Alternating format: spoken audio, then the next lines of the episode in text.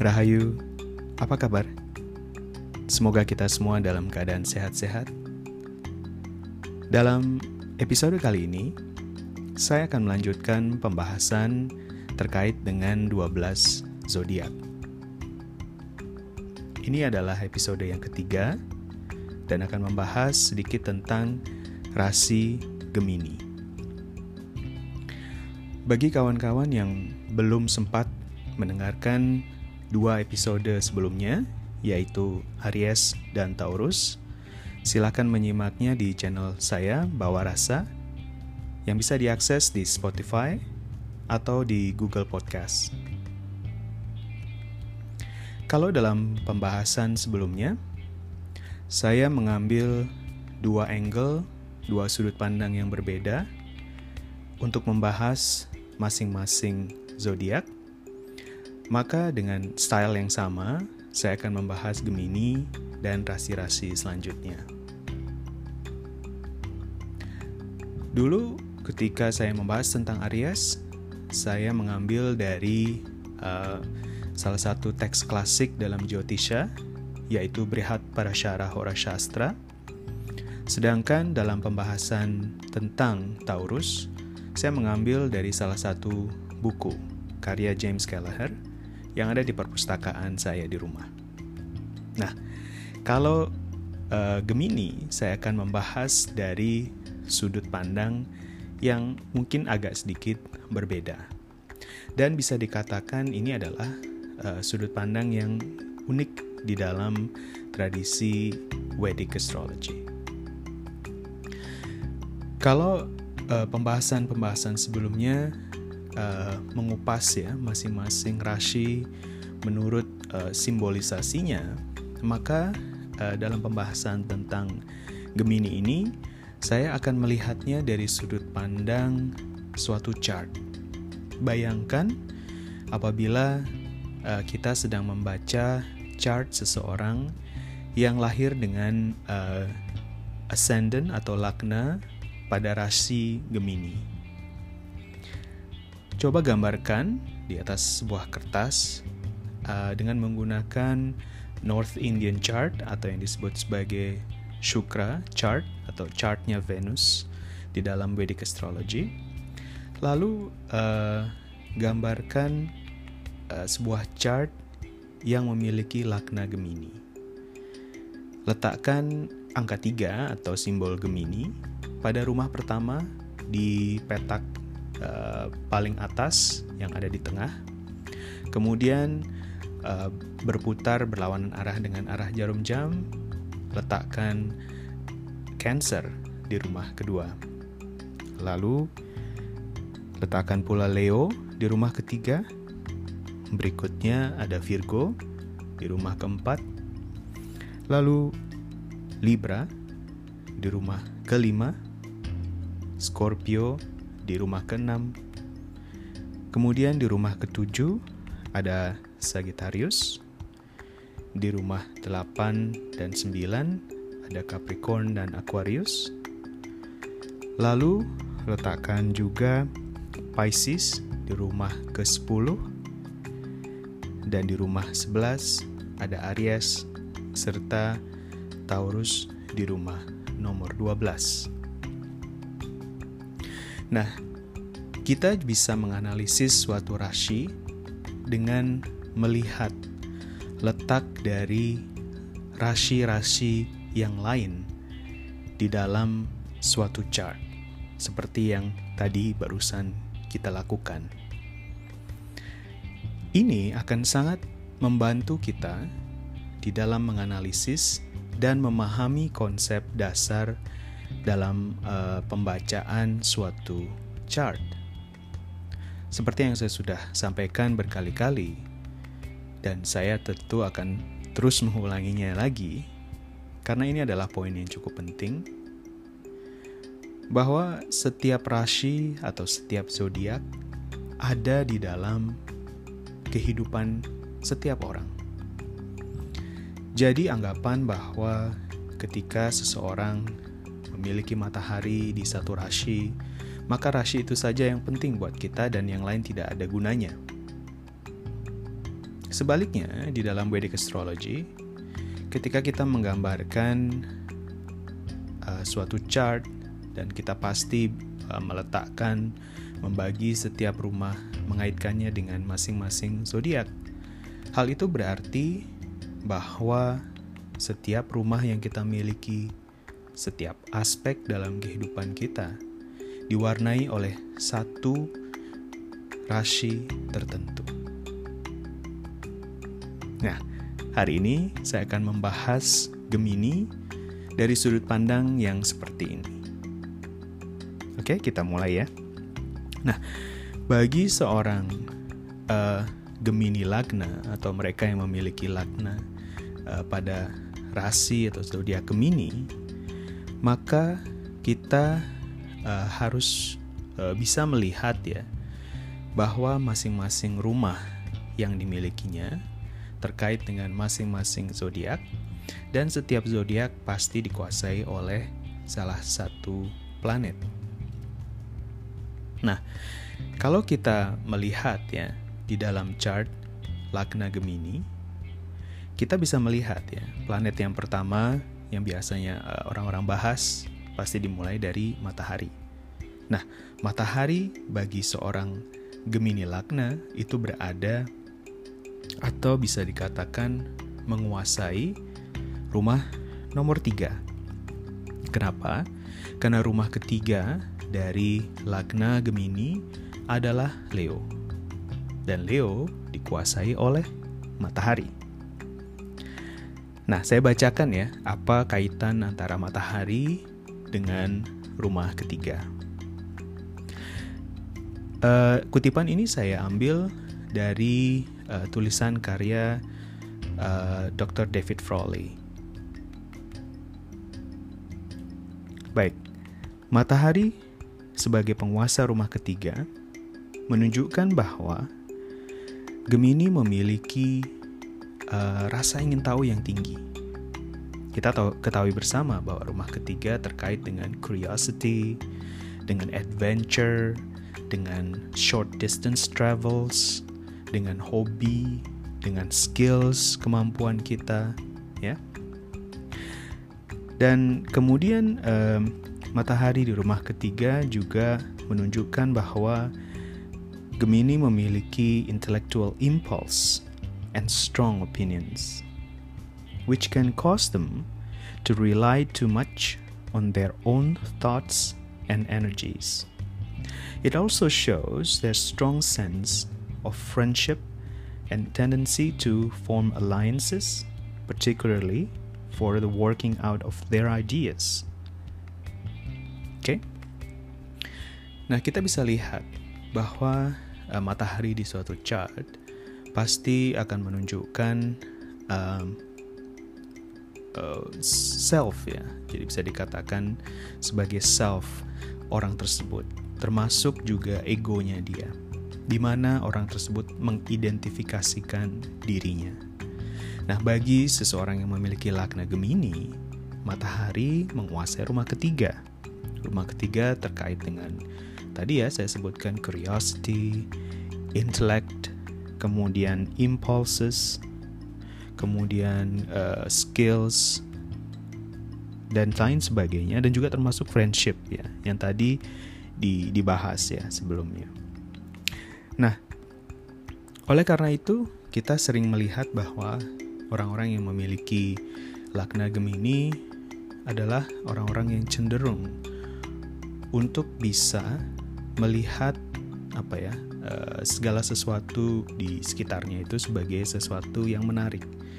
Ketertarikannya itu membuat dia apa ya sering kali tampak kalau dari luar orang yang kurang begitu konsisten.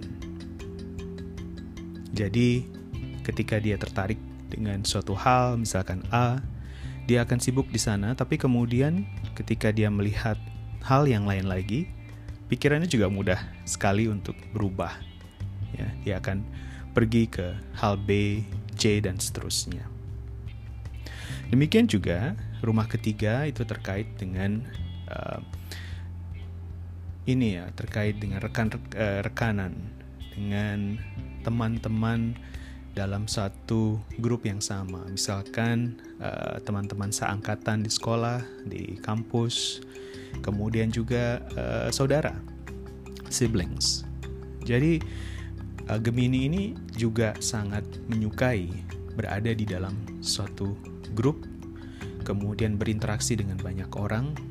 Dia cenderung untuk relatif lebih ekstrovert daripada yang lain, dan mereka um, sering membuat aliansi. Tapi karena sifat mereka ini mudah berubah ya, karena Gemini juga adalah uh, rasi yang tergolong Dwishwabhawa atau mutable rasi, sehingga uh, apa yang uh, dirasakan oleh orang lain ya, atau ketika kita melihat Gemini dari luar, uh, ada kecenderungan bahwa kita akan menganggap mereka tidak terlalu serius dalam komitmen mereka, uh, dalam aliansi mereka, dalam persahabatan mereka, dalam uh, interest mereka.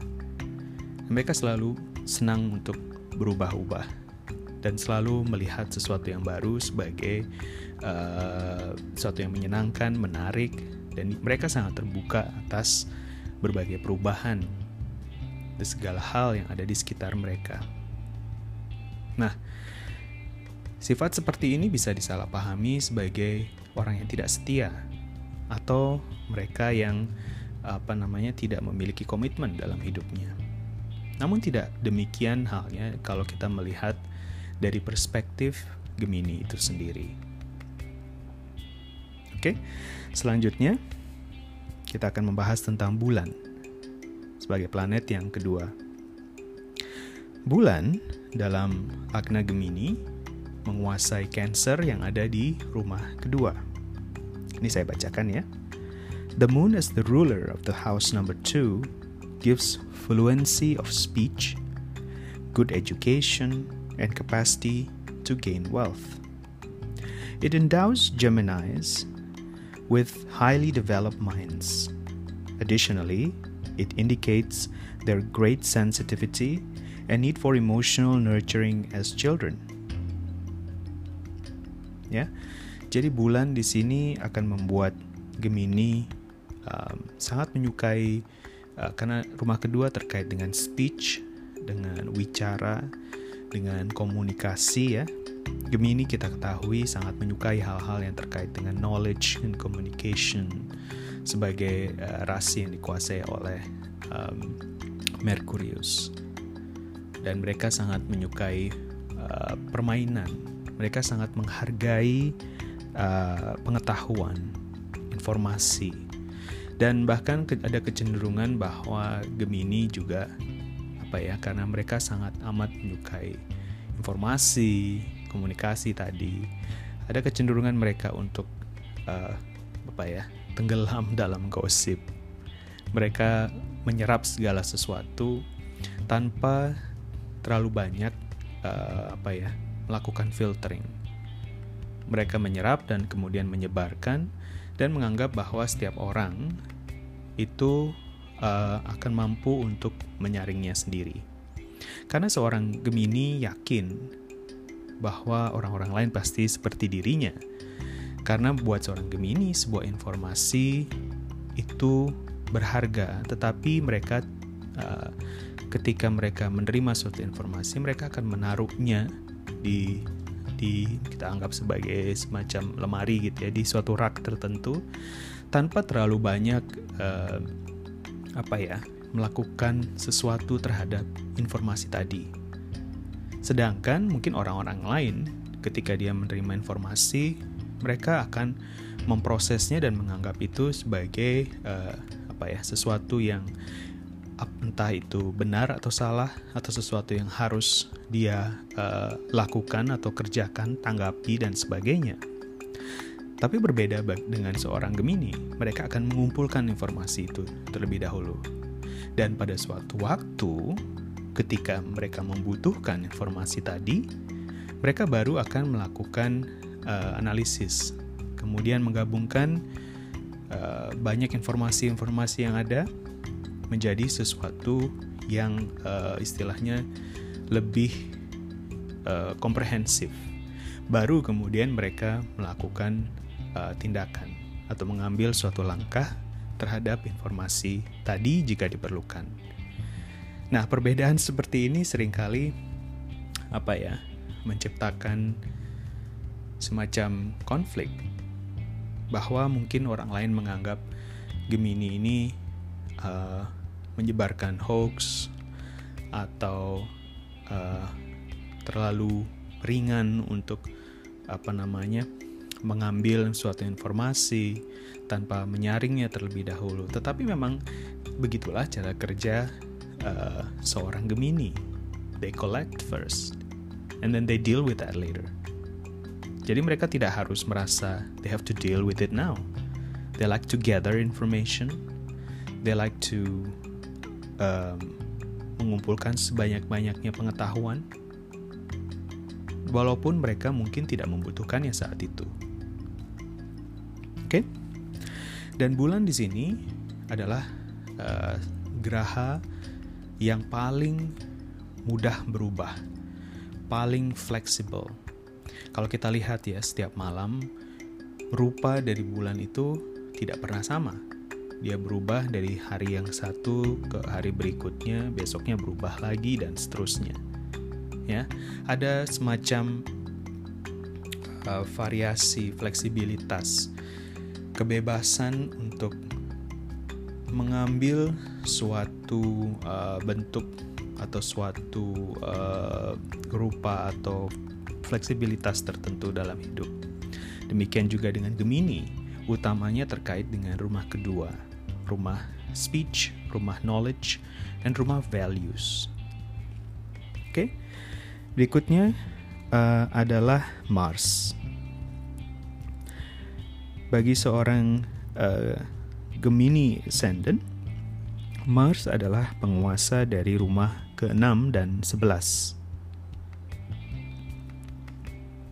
Is triply by nature in ruling two houses of injuries, a planet of violence. Mars as the ruler of houses 6 and 11 is triply by nature and by ruling two houses of injury, a planet of violence. Geminis tend to suffer from accidents and injuries from their absent mindedness or through blinded, blindness generated by their own opinionatedness or excessive idealism. They suffer from excessive activity, overexertion, or hypersensitivity, leading to nervous burnout. Mars is very inauspicious for them.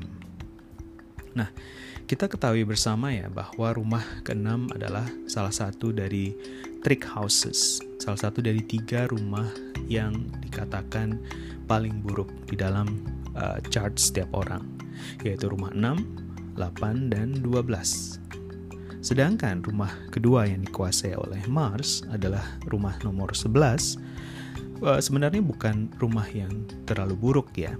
Rumah ke-11 bahkan cenderung uh, mungkin disukai oleh banyak orang karena di dalam rumah itulah kita menikmati kehidupan kita, menikmati buah dari kerja keras kita.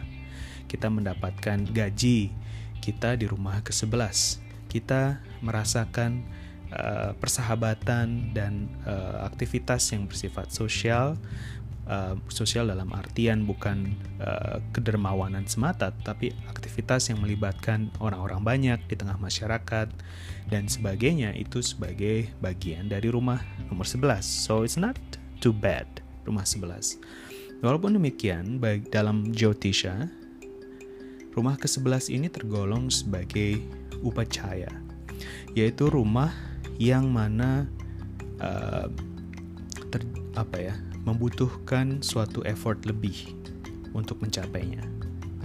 Tentu saja ya kalau kita mau dapatkan gaji atau kalau kita mau dapatkan suatu penghargaan atau apresiasi, tentu kita harus mengerjakan uh, sesuatu yang baik terlebih dahulu dan sesuatu yang baik itu sering kali tidak mudah. Butuh effort, butuh pengorbanan. Nah, rumah ke-6 dan 11 ini uh, bagi Gemini Ascendant dikuasai oleh satu planet yang dikata yang sering dikaitkan dengan uh, injuries, dengan violence, yaitu Mars. Nah, ada kecenderungan bahwa uh, sifat Gemini yang tadi ya, yang kita bahas sebelumnya, yang mana mereka uh, cenderung sering berada di dalam dunia ide, dunia alam pikiran, gagasan.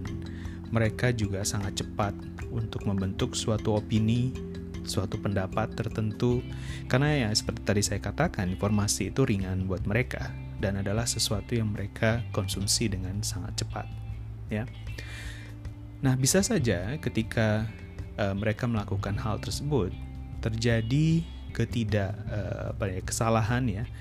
Uh, mereka menyerap segala uh, sesuatu yang mungkin tidak benar atau bersifat salah atau di sisi lain, ketika mereka uh, mengkonsumsi suatu ide atau gagasan, mereka sering kali sangat cepat mengasosiasikan diri dengan salah satu dari isme atau uh, gagasan tersebut.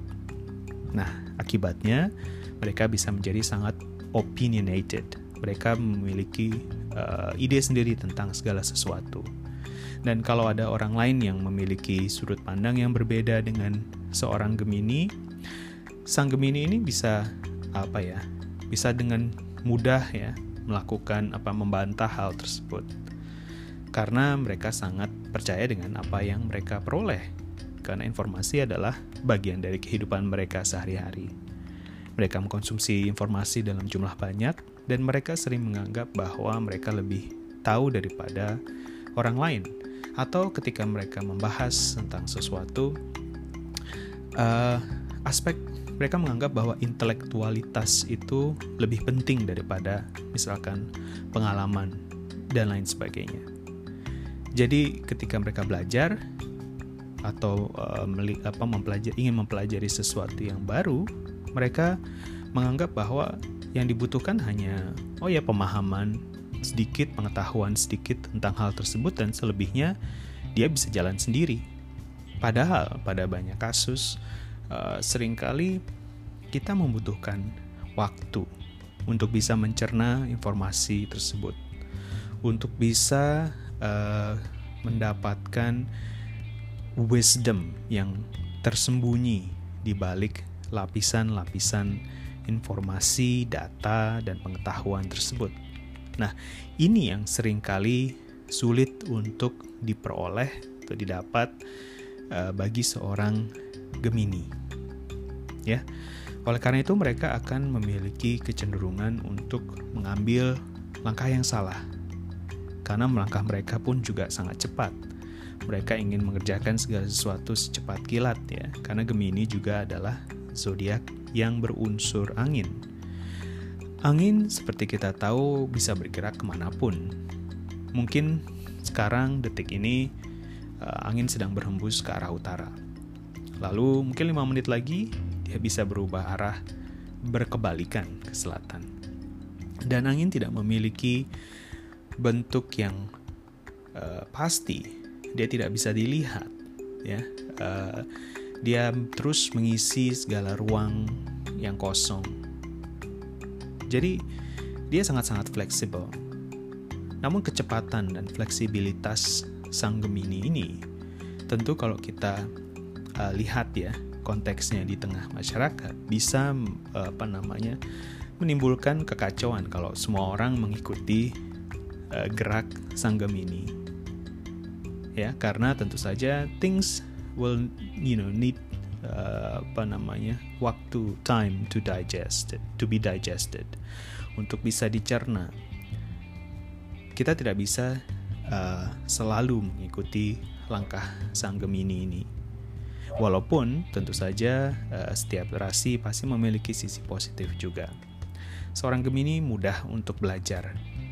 Mars adalah planet yang terkait dengan penetrasi dia mampu untuk menjebol segala sesuatu yang menjadi halangan buat dia. Nah, ini adalah salah satu sifat yang cukup positif juga yang bisa dilihat dari Gemini. Tapi ketika kita mendobrak sesuatu, menjebol sesuatu, kita sering kali uh, lupa ada batasan-batasan tertentu, di mana kita perlu menghargai space orang lain misalkan.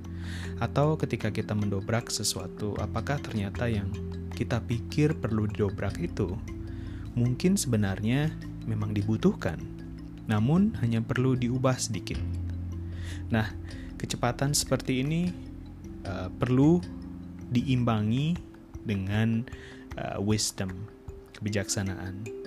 Oleh karena itu, uh, bagi seorang Gemini, terutama sangat penting bagi mereka untuk belajar meditasi, untuk bisa mengendalikan dan menenangkan pikiran-pikirannya yang memang uh, banyak dan sering berembus ke segala arah.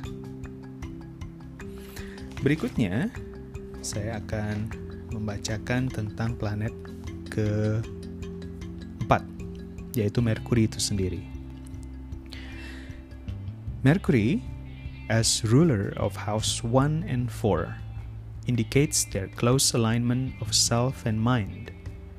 While this gives directed mental powers, it can detect, detract from objectivity regarding the self.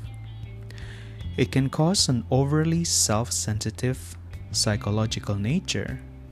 Any aspects to Mercury will triply affect the mind because the planet rules the self, the ascendant, the mind, and the fourth house, and naturally indicates the intellect as well. Mercury is auspicious as the ascendant lord. Nah, sifat dari Merkurius yang menguasai uh, Lagna itu sendiri rumah pertama serta menguasai rumah keempat yang juga uh, berkaitan dengan uh, apa ya uh, body constitution, especially mind constitution. Nah, Merkuri ini sangat-sangat uh, cepat gerakannya dibandingkan dengan planet yang lain.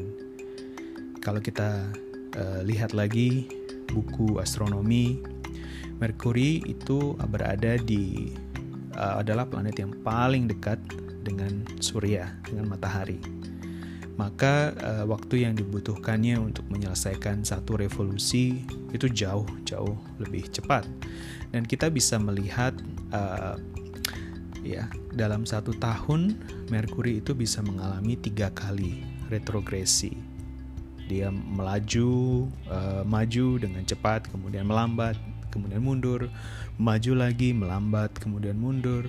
Dan seterusnya sampai tiga kali dibandingkan dengan eh, planet-planet lain yang mungkin sekitar satu kali dalam setahun mengalami retrogresi.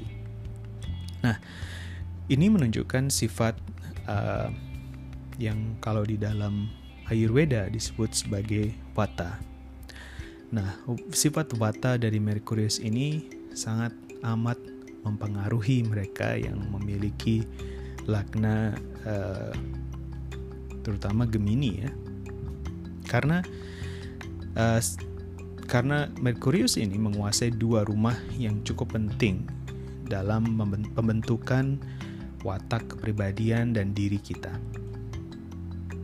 Jadi, sekali lagi, sangat penting bagi seorang Gemini untuk bisa uh, melakukan uh, meditasi untuk bisa membantu dirinya menenangkan pikiran dan perasaannya yang sering kali berubah-ubah. Oke, planet selanjutnya adalah Jupiter. Jupiter as the ruler of the seventh and tenth, shows a strong will and idealism as well as a seeking of power and prestige in relationship. Geminis, Geminis overexpresses themselves in relationships, which can lead to dissipation and diffusion of energy. Though generally inauspicious, it is mainly when weak by house sign or aspect that Jupiter will give bad results. Nah, Jupiter uh, planet selanjutnya menguasai rumah nomor 7 dan 10. Dan dua rumah ini adalah rumah-rumah yang sangat penting dalam uh, dalam hubungannya dengan relationships kita. Rumah ketujuh terkait dengan relationships kita yang lebih intim dengan orang-orang yang paling dekat dengan kita, terutama pasangan, partner, mitra kita. Nah, sedangkan rumah ke-10 terkait dengan our relationships with a bigger uh, group of people. Bisa juga terkait dengan pekerjaan, di mana kita bekerja tidak pernah sendirian. Setidak-tidaknya kita memiliki klien. Kita deal apa berhubungan dengan klien tersebut. Ya. Atau juga uh, bagi mereka yang bekerja di public sector ya, maka kita pasti berhubungan dengan lebih banyak orang lagi.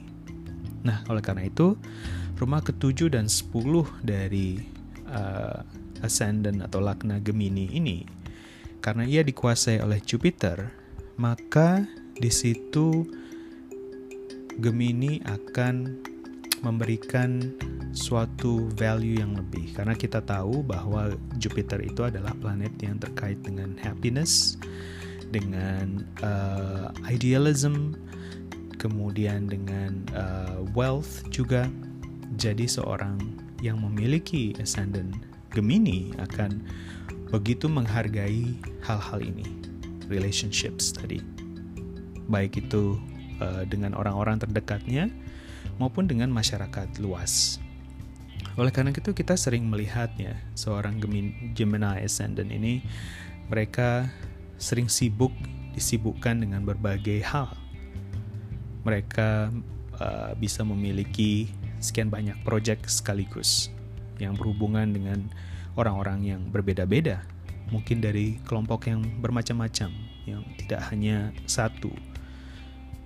Nah, mereka sering kali uh, akibat dari berbagai aktivitas tersebut, energinya mengalami kebocoran karena sekali lagi dia berhubungan banyak dengan orang-orang lain, orang-orang di luar yang kemudian uh, bisa menyita perhatian dan emosinya.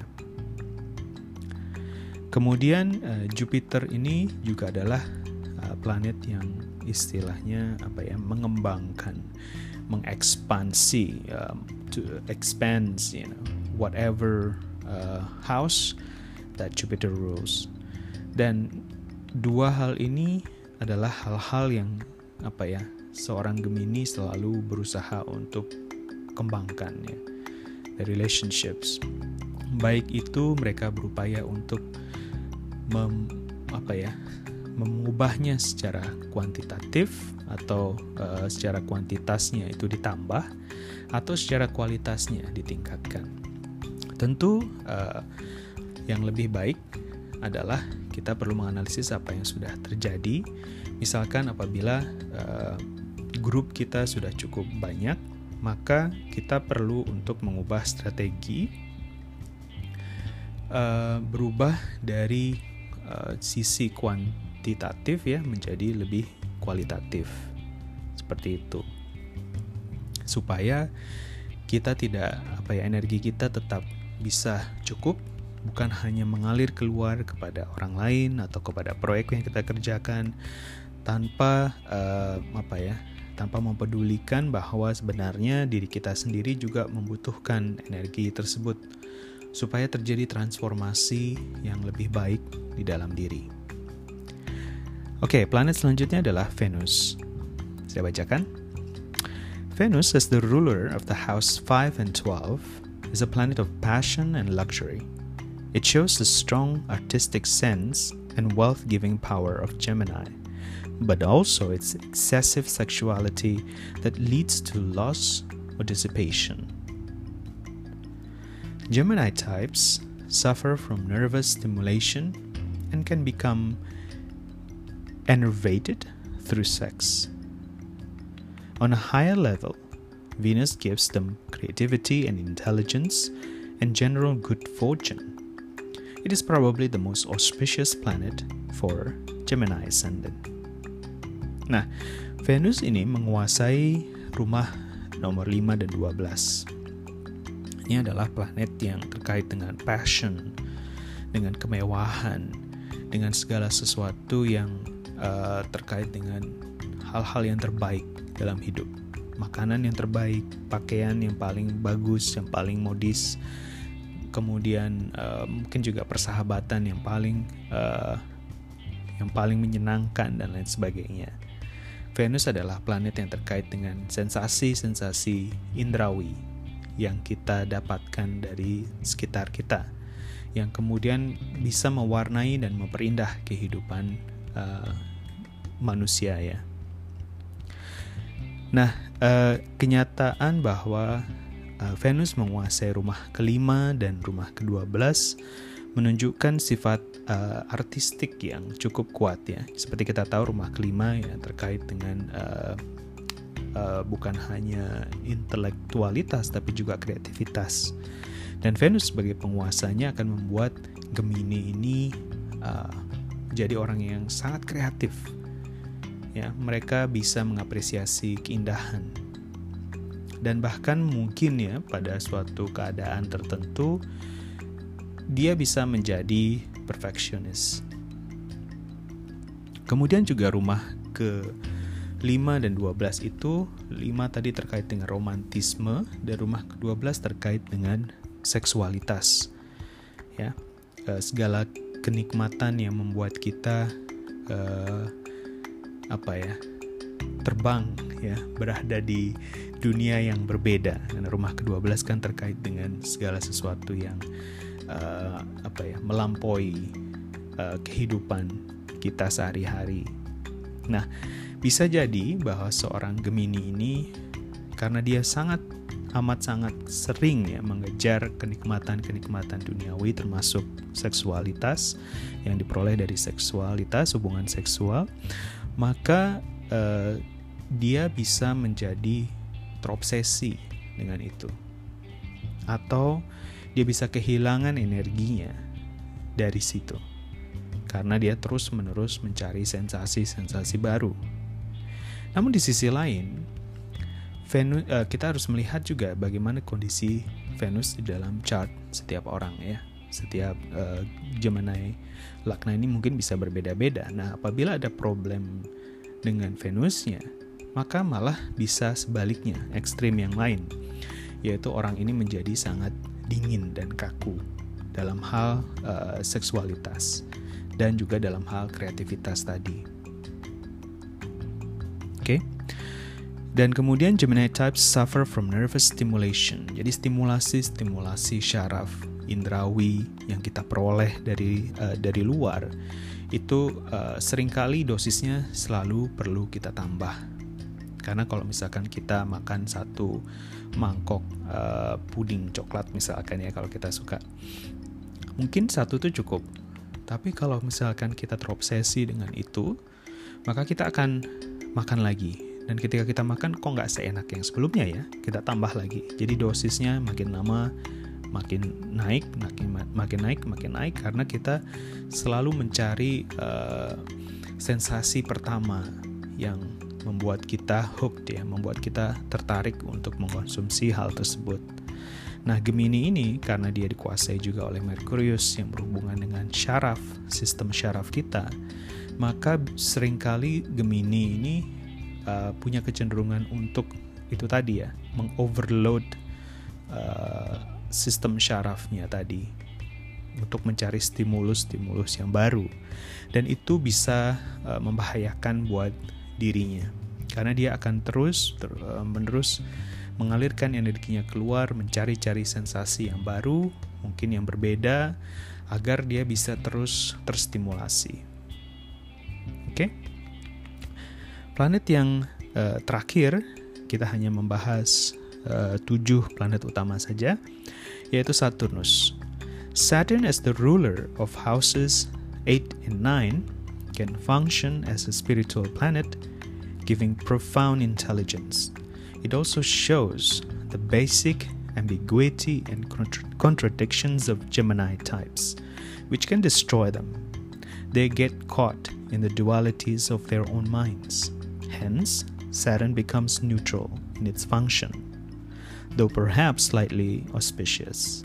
Nah, Saturnus ini uh, menguasai rumah nomor 8 dan 9 8 dan 9 ini punya kesamaan dalam hal uh, terkait dengan sesuatu yang melampaui eh, hal-hal uh, yang biasa dalam kehidupan kita sehari-hari ya. Rumah ke-8 itu uh, terkait dengan hal-hal yang sifatnya mistis ya. Rumah ke-9 terkait dengan yang spiritual. Nah, Saturnus sebagai penguasa 8 dan 9 ini bisa memberikan kecenderungan ya bahwa karena Saturnus ini adalah geraha yang uh, istilahnya realistis, apa adanya, membumi, gak neko-neko. Maka bisa saja si uh, Gemini Lagna ini memiliki kecenderungan untuk um, melihat segala sesuatu yang bersifat spiritual dan mistis tadi sebagai sesuatu yang uh, apa namanya ya uh, perlu dilogikakan perlu mendapat apa perlu dirasionalisasikan gitu ya perlu dipahami lewat intelektualitas ya namun eh, cara-cara seperti itu tentu ada ada baiknya juga. Namun di sisi yang lain, eh, rumah 8 dan 9 ini sebenarnya menuntut kita untuk melampaui segala yang sudah kita pahami.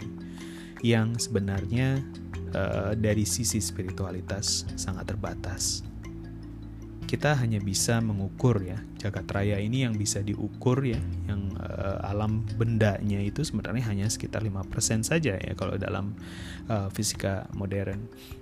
Nah, sisanya adalah dark energy, dark matter, segala sesuatu yang masih belum kita pahami, yang masih membutuhkan pelampauan dari pikiran dan perasaan kita.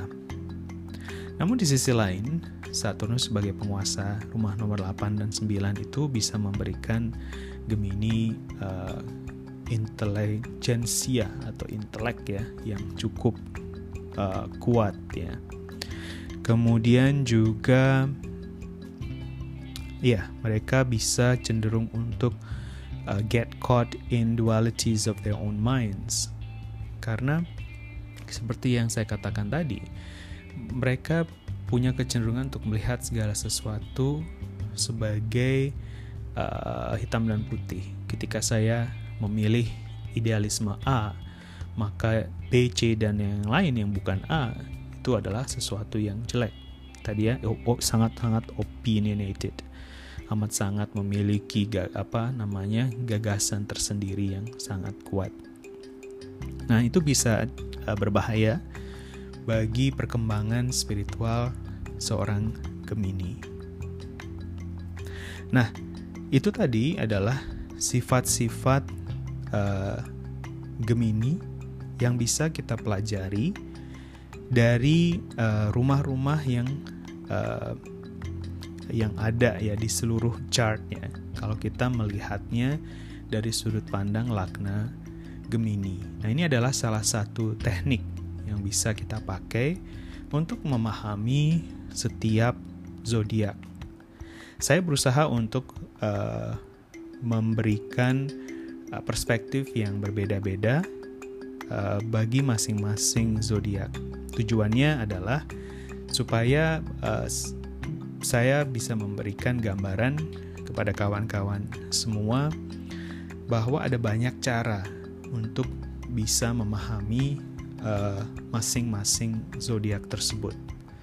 Dan cara-cara yang uh, kita gunakan ini uh, bisa apa ya dikupas dari uh, berbagai uh, perspektif.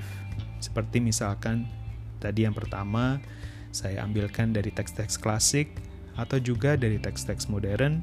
Bisa juga kita lihat dari chartnya seperti ini. Nah, saya ingin coba untuk memberikan perspektif yang berbeda ini uh, untuk setiap zodiak. Tapi saya nggak nggak tahu nih sekarang apakah saya bisa memberikan 12 perspektif berbeda untuk kedua belas zodiak yang akan saya bahas uh, di dalam podcast ini. Tapi saya akan coba sebaik-baiknya. Sepertinya saya uh, cukup ya bahan untuk bisa melihatnya dari bermacam perspektif. Nah, kalau kita gabungkan semua perspektif ini untuk membahas satu zodiak saja mungkin kita akan perlu waktu yang cukup lama ya. Mungkin bisa beberapa sesi kelas seperti itu. Nah, ini adalah uh, salah satu cara yang saya bisa katakan saya anjurkan untuk dilakukan bagi kawan-kawan yang betul-betul tertarik dengan astrologi. Jadi jangan hanya rely on uh, satu dua buku saja, kemudian kita menghafal apa yang ada di dalam buku tersebut. Tapi cara yang lebih fun buat saya adalah mencoba melihatnya dari berbagai macam sudut pandang. Dan ini akan memperkaya pemahaman kita tentang setiap zodiak. Nah, bagi kawan-kawan yang tertarik untuk mengikuti pembahasan selanjutnya, silahkan follow, subscribe, uh, bawa rasa, dan kita akan membahas setiap minggunya tema-tema yang menarik dari uh, dunia Vedic Astrology. Sampai di sini dulu episode kali ini. Sampai ketemu di episode selanjutnya. Bye bye.